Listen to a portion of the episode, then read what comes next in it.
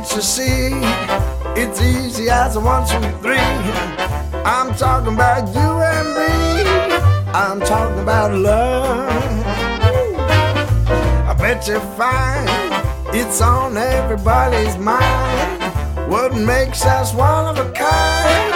I'm talking about love. It doesn't matter where you travel, you are sure to see miracles unravel with L O V E. Listen here, the message is loud and clear. Can't help what I feel, my dear. I'm talking about love. Sonsuz Muhabbetler'deki yine çok değerli bir konu ağırlıyoruz şu anda. Don Miguel Ruiz Jr. Kendisi Hello. Don Miguel e, Ruiz'in oğlu.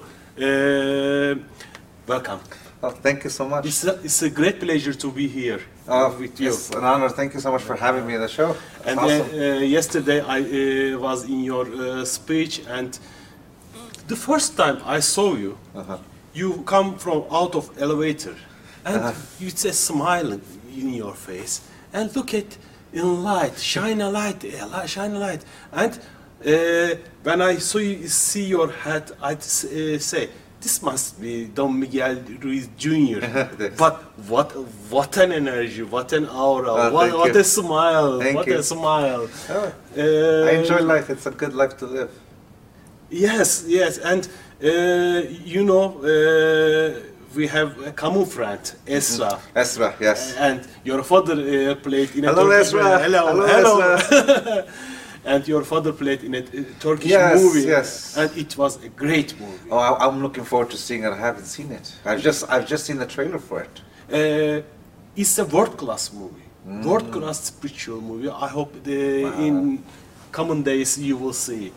And now I want to ask you, uh, Miguel. Um, four agreement is uh, so popular in also in, in Turkey, and you told uh, yesterday about we are in a dream, we are living in a dream, and uh, how can we awaken? Well, here's the thing: is that in the Tol- Toltec tradition, the, the main the main function of the mind is to dream, and to dream simply means to perceive and to project. Right now, I'm dreaming because I'm awake. I'm a, I'm a, it's a, what they call the waking dream. I am perceiving right now. I'm perceiving you. I can hear you, and I can feel the whole environment around me. I can feel this chair. I can feel the light.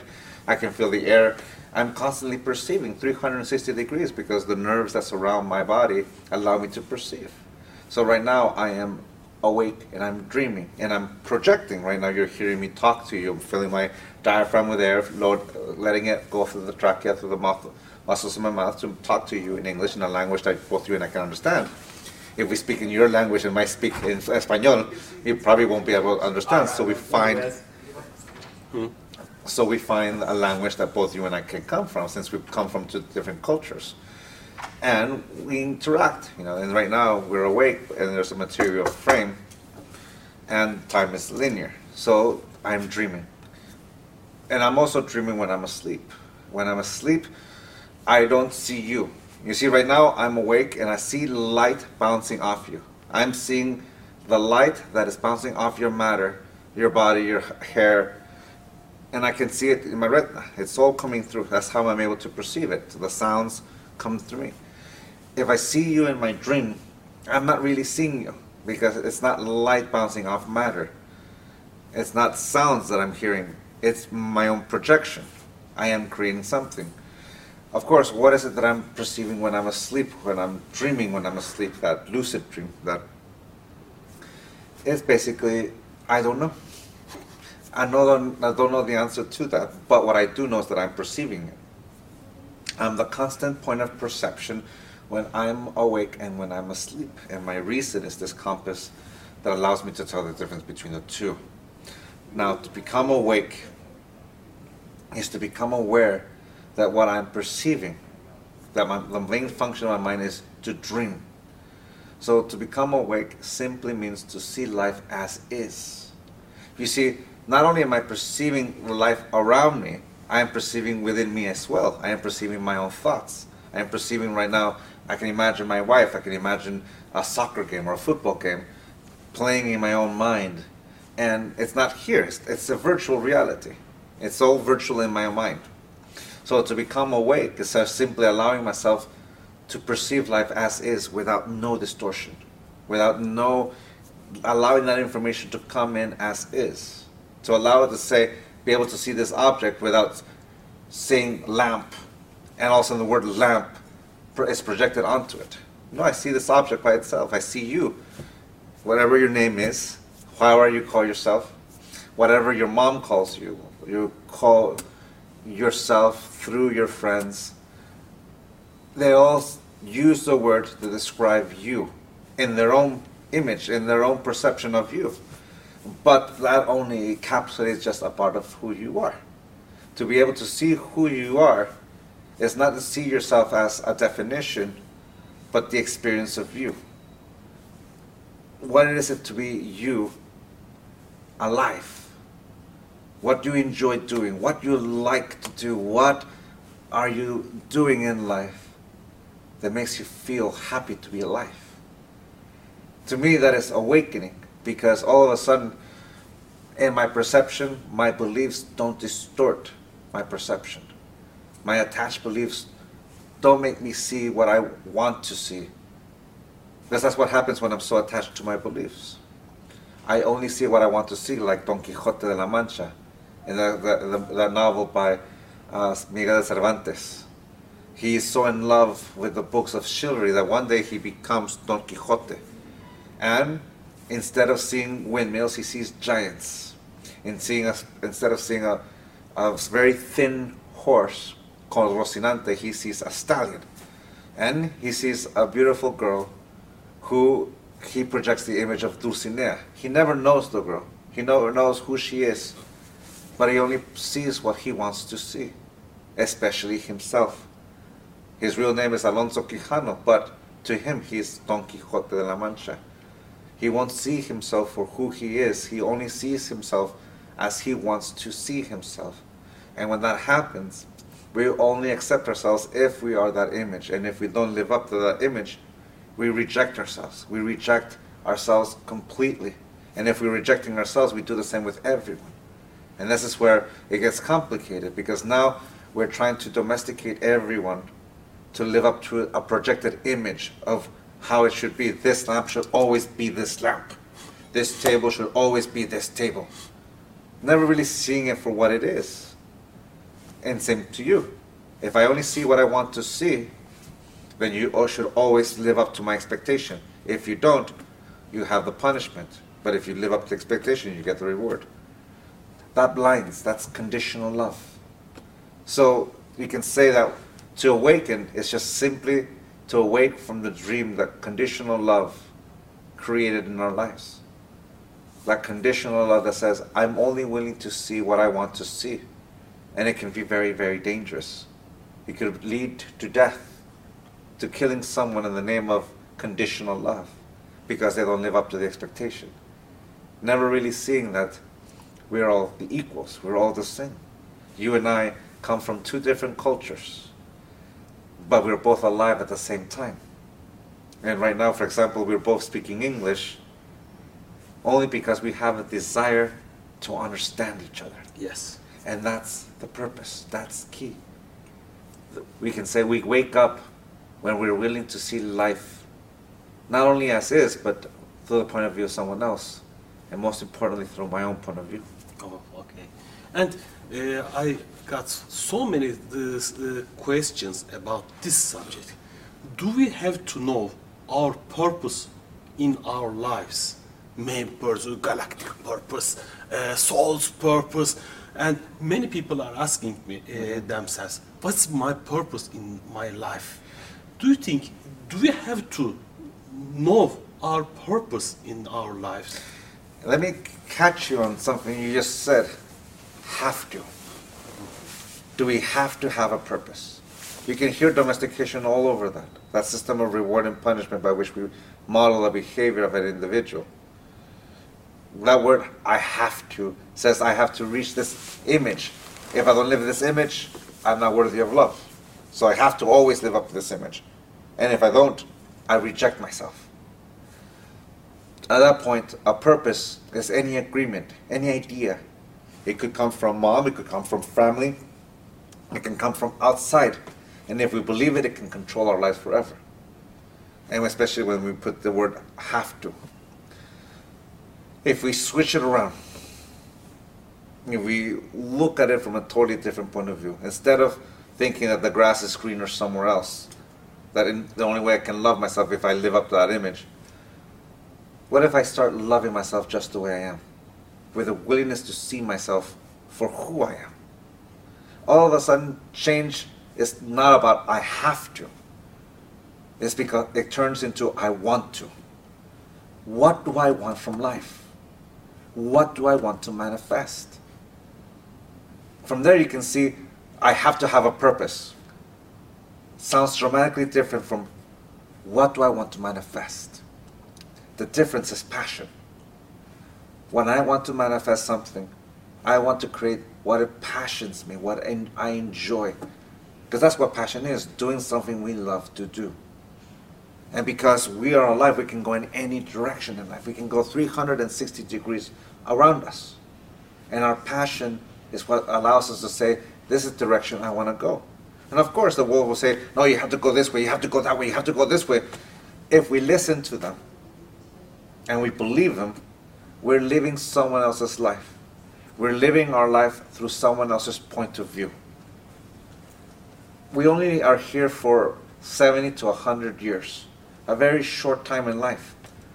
Imagine living those 70 years from the point of view of someone else never really expressing your free will, and you convince yourself that it is. But if you see yourself as, this is what I want, today is the youngest I will ever be, how do I want the rest of my life to be? How do I want to manifest it? Because all of a sudden, when that happens, the goals and aspirations of other people who follow that carrot, you know, like a donkey that follows a carrot, it's just an illusion what happens if you eat the carrot and with that carrot it nurtures you to go in a direction in life that you want to create? From that point of view, it's different. It's a totally different way of living life. Instead of having to live to have a purpose, I live life with my passion. And I manifest life with that belief. For me, Unconditional love is a choice. And at that point, uh, sometimes we mix up passion with mm-hmm. ego's passion mm-hmm. with God's passion. Mm-hmm. How can we separate this? Because we feel, uh, yes, we passion, yes, I want this. Uh, how can you separate, I want this, I want this? So I'm going to use the the book of my family, the four agreements, to an example, because if I describe the other elements, it might be getting confused. So it might be easier to use my family's tradition yeah. and use it in that way. The passion through ego, the way you described it, is actually what we know as obsession. The obsession to live up to this image. That doesn't exist. I can grab the four agreements. Don't take things personal. Always do your best. Be impeccable with the word and don't make assumptions. There are agreements. The word agreement reflects the action of saying yes. If I become obsessed with it, then I will judge myself every time I don't live up to the expectation. I will judge myself for not being impeccable with my word. I will judge myself every time I don't live up to it. And it becomes an obsession to live up to it. At that point, I corrupt the four agreements and turn them into the four conditions of my personal freedom. Domestication conditional love distorts it. These four agreements that are a beautiful instrument for love, just like any other beautiful scripture or as a beautiful expression of art. The way we love God, the way we love each other, the way we love Mother Earth. Passion is desire saying, I want to do this. For example, one of the agreements in the four agreements is don't take things personal. It starts by me becoming aware of the truth and accepting the truth. I take things personally. I don't judge myself. I don't punish myself. I accept the truth. I take things personally. And I read this book, and it teach me, teaches me that there's another way of how not to take it personal. I'm free to say yes to either one. I'm free to say yes, I want to take it personal, and I'll take it personal because I want to. And I'm free to say I don't want to take it personal because I don't want to. And this book showed me how. I already know how to take it personal. I'm doing it all my life. Now I know how not to. At that moment of choice, the one I say yes to is the one that's going to become alive. It's like a cookbook. If you ever pick up a cookbook and you only re- read the recipes, you will never know what that, rest- that meal will taste like or feel like because you just read the steps. The only way to know what it tastes like is to follow each step. And the first time you might succeed, or you may not succeed. That is fine, but you took the steps. With practice makes the master. To the point where you start adding ingredients, subtracting ingredients, changing the temperature to suit your preference. And when that happens, that agreement, that, that recipe becomes alive. It became alive the moment you used it as an instrument. And that's the key. That's passion. We use this instrument because we want to, because we say yes to it. I don't have to say yes to it. I'm free to say no to it, but because I want to, with complete freedom of life, that's what makes a difference.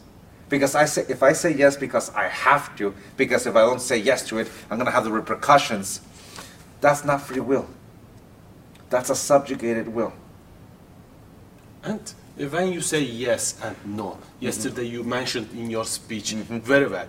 Uh, sometimes it's so hard for us to say no. Mm-hmm.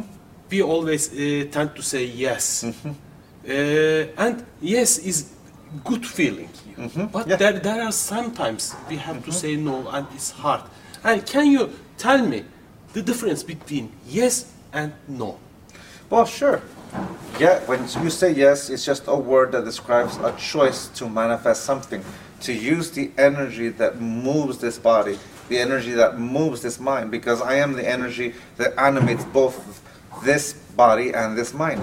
Which means when I say yes, thy will be done. Miguel, grab the lamp. Yes. Yes. That's a choice. The word yes simply reflects the choice or the decision to lift up this lamp using my body, using my mind together to manifest something. No means this. Miguel, pick up the lamp. No. Mm-hmm. I've chosen not to use this energy or this mind to manifest that. I am, will not pick it up. That's my will. To have free will is to be able to say yes and no with a complete freedom of life. So, from that point of view, when I say no, it's because I mean it. And I say it with the most sincere respect. And the fear a lot of people have is that they're afraid that they're being disrespectful. But what they're really being disrespectful to is to themselves because they've subjected themselves. Now, here's the thing there is compassion. There is a time for saying yes, there are times for saying no. It all depends on what consequence you want in life. That's the key. What consequence do I want? If I say no, and that's not really what I want, and I go against myself, then my no, ha- I have no respect for my will.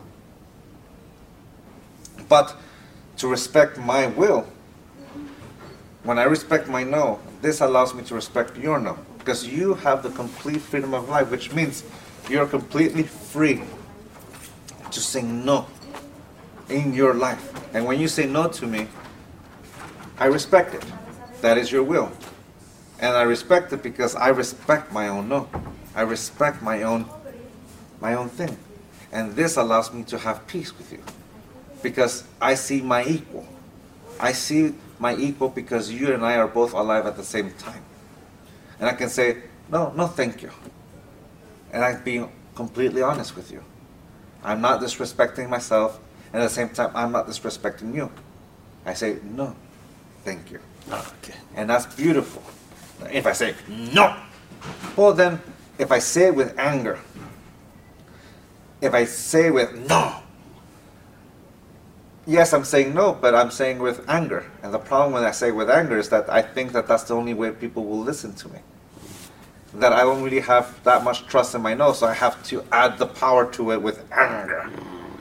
And when that happens, it's just a lack of respect. Not for you, but for myself, thinking that my will is not strong enough. Because just simply saying no is more powerful than saying no. Because when I say it with that anger, I really am not trusting my no. I'm hoping that my no without anger intimidates someone. But when I have complete confidence, I don't need to use anger. I don't need to use rage to say no. I can use it with a complete respect of myself, which allows me to respect you. Which allows me to thoroughly be grateful when we both say yes. Yes. And that's when gratitude comes in. I am so grateful that life said yes to me. That my wife said yes to me. That people who come to my presentations said yes. Who pop my books, I'm grateful for them to say yes because I know their complete freedom. When I go to a restaurant and a server serves me well, I say thank you. Because they don't have to serve me well. They could take forever. They can take 20 minutes. They can totally be just very rude to me. But I will say thank you when they, I know that they don't have to do the service they're giving me, but they still do it. And I say grateful. I'm say thank you. Some would say, but isn't that their job? Yes. But I'm grateful for them when they decide to do it good. And I'm grateful and I recognize it. And in the times of uh, fear Mm-hmm. we have, and sometimes suffering, we, that we much live in Turkey's Mm-hmm. uh, last months, how can you deal your anger, fear, and suffering feelings? Mm-hmm. How can you deal? Well, you first are completely honest with yourself. This is how I feel. You see, our emotions are real. What triggers them may not be real. And that's something very important to know. An example. I hold my baby in my arms when he was very first born. The, the day he was born, I'm holding him in my arms and I'm having such a blissful moment. Very, very happy. My mind is in communion with my boy, and I'm very in this moment. Then my thought, my mind creates a thought of SIDS, sudden infant death syndrome, a little disease or something that happens that hmm. babies die from. And all of a sudden I think of that when I read about it, and all of a sudden that fear creeps in, and all of a sudden my whole body is paralyzed with fear. Nothing happened. Physically, nothing happened. But all of a sudden my mind perceived an idea that was just perfect, fertile ground in my mind to take root and just paralyzes my whole being. But nothing happened. My son was not in danger at that moment. He was in my arms. He was healthy. And there was really nothing to fear. So the fear I felt was real. I felt it. But the cause was not real. It wasn't. It was just a, an idea. So if we become aware of that, our emotions are real. What may trigger them may not be. So we can use our emotional body to let us know when something is wrong. For example, like a car alarm. You put the car alarm, you touch it, beep, beep. Well, our emotions are like that. They will be reacting to something that hurts us. Either back with anger, with sadness, with with melancholy, or something like that. But here's the thing. What serves best is if you become aware that of that emotion and you don't like it, now it's exposed and you can see it and you can change your mind or you can simply no longer believe it or forgive yourself. But our emotions are real. And now if we want to control our emotions, instead of our emotions controlling us, it starts out by being honest with ourselves. This is how I feel. I'm no longer pretending to be something I am not. I accept the truth. Now, once I accept that this is how I feel, do I want to continue feeling like this? If I don't, I redirect my attention in a totally different place. You see, I return once again to attention. I'm constantly perceiving 360 degrees, and my attention is the focal point that I'm choosing where the information is coming. And that's very important. What do I choose to perceive? What kind of stories am I telling myself? So, in life, there's many things in life that are hard. There are many injustices. And our emotions can blind us. But in order to make a choice that helps, an emotion that will feed me, nurture me, is the one that allows me to be me. And as I allow that emotion to pass like a wave, when it finishes, I redirect it. And how do we redirect the thought? When you pay attention to that thought that's giving you anger, let the thought finish. Don't take action. Let the thought finish.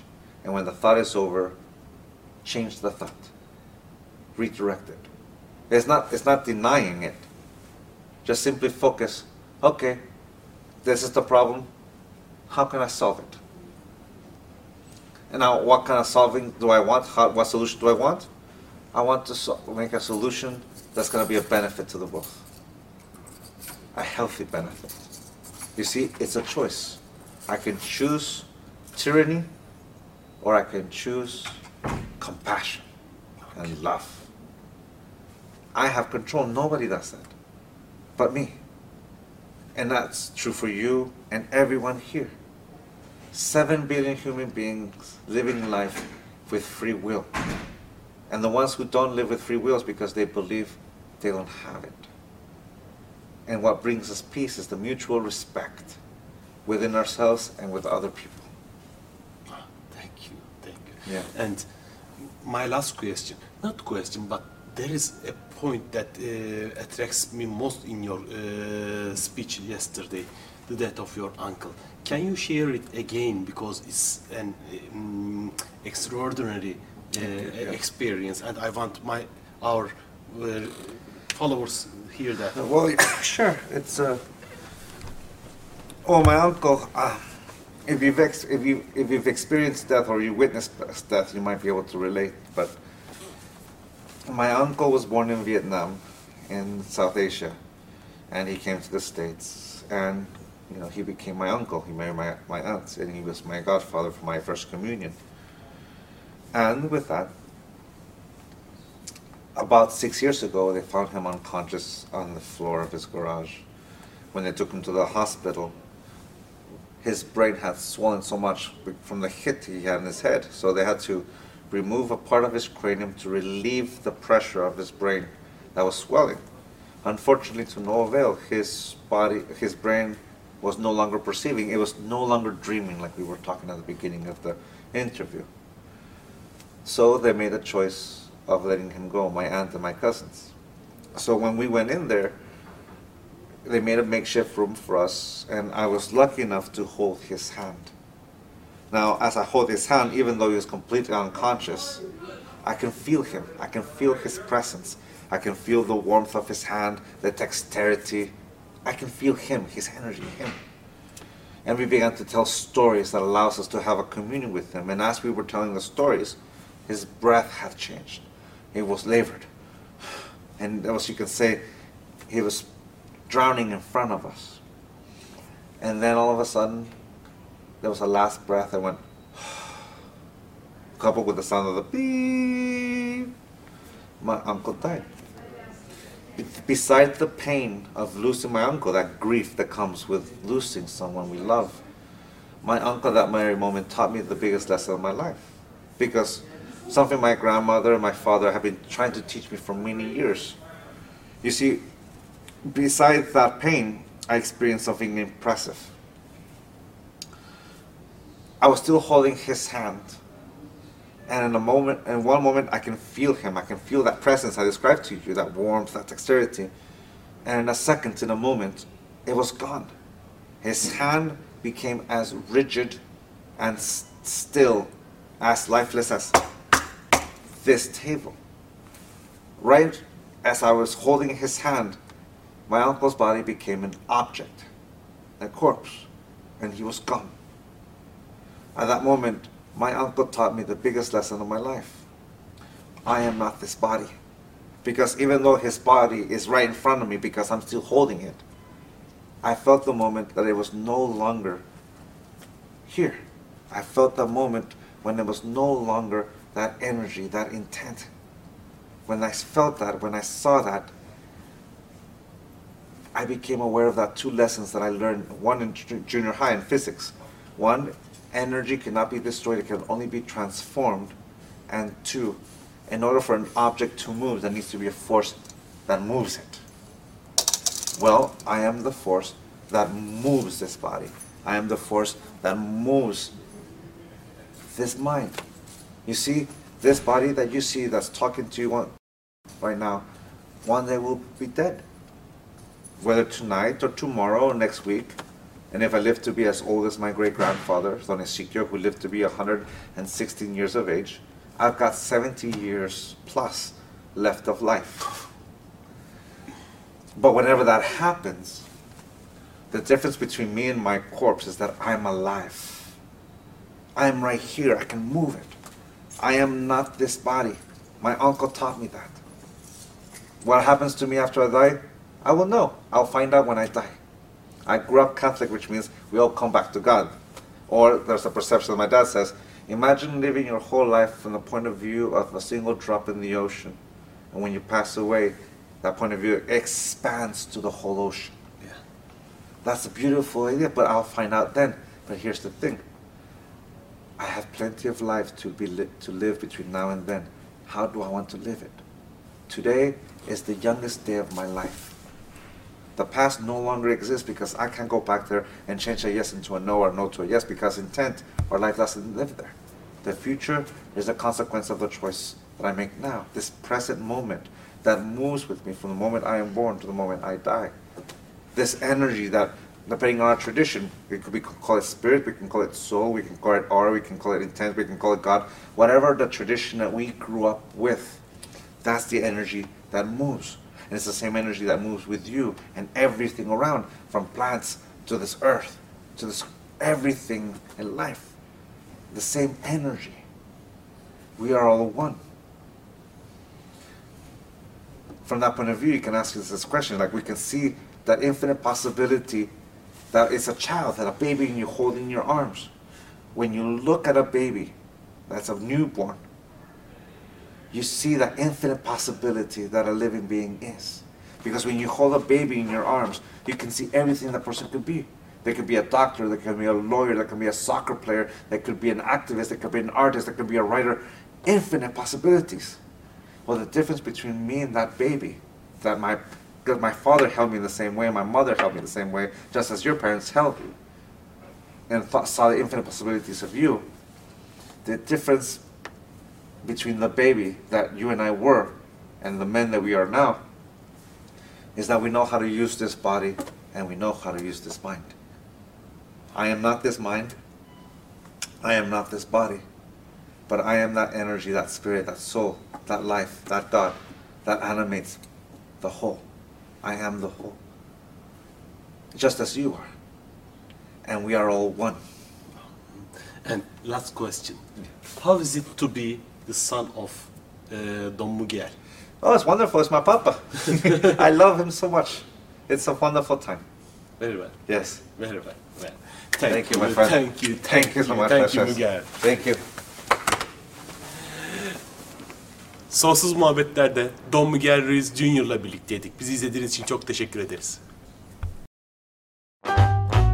Can't you see?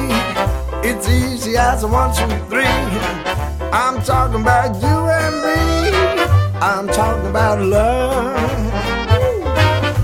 I bet you find it's on everybody's mind. What makes us one of a kind? I'm talking about love. It doesn't matter where you travel, you are sure to see miracles unravel with L O V E. Listen here, the message is loud and clear. Can't help what I feel, my dear. I'm talking about love.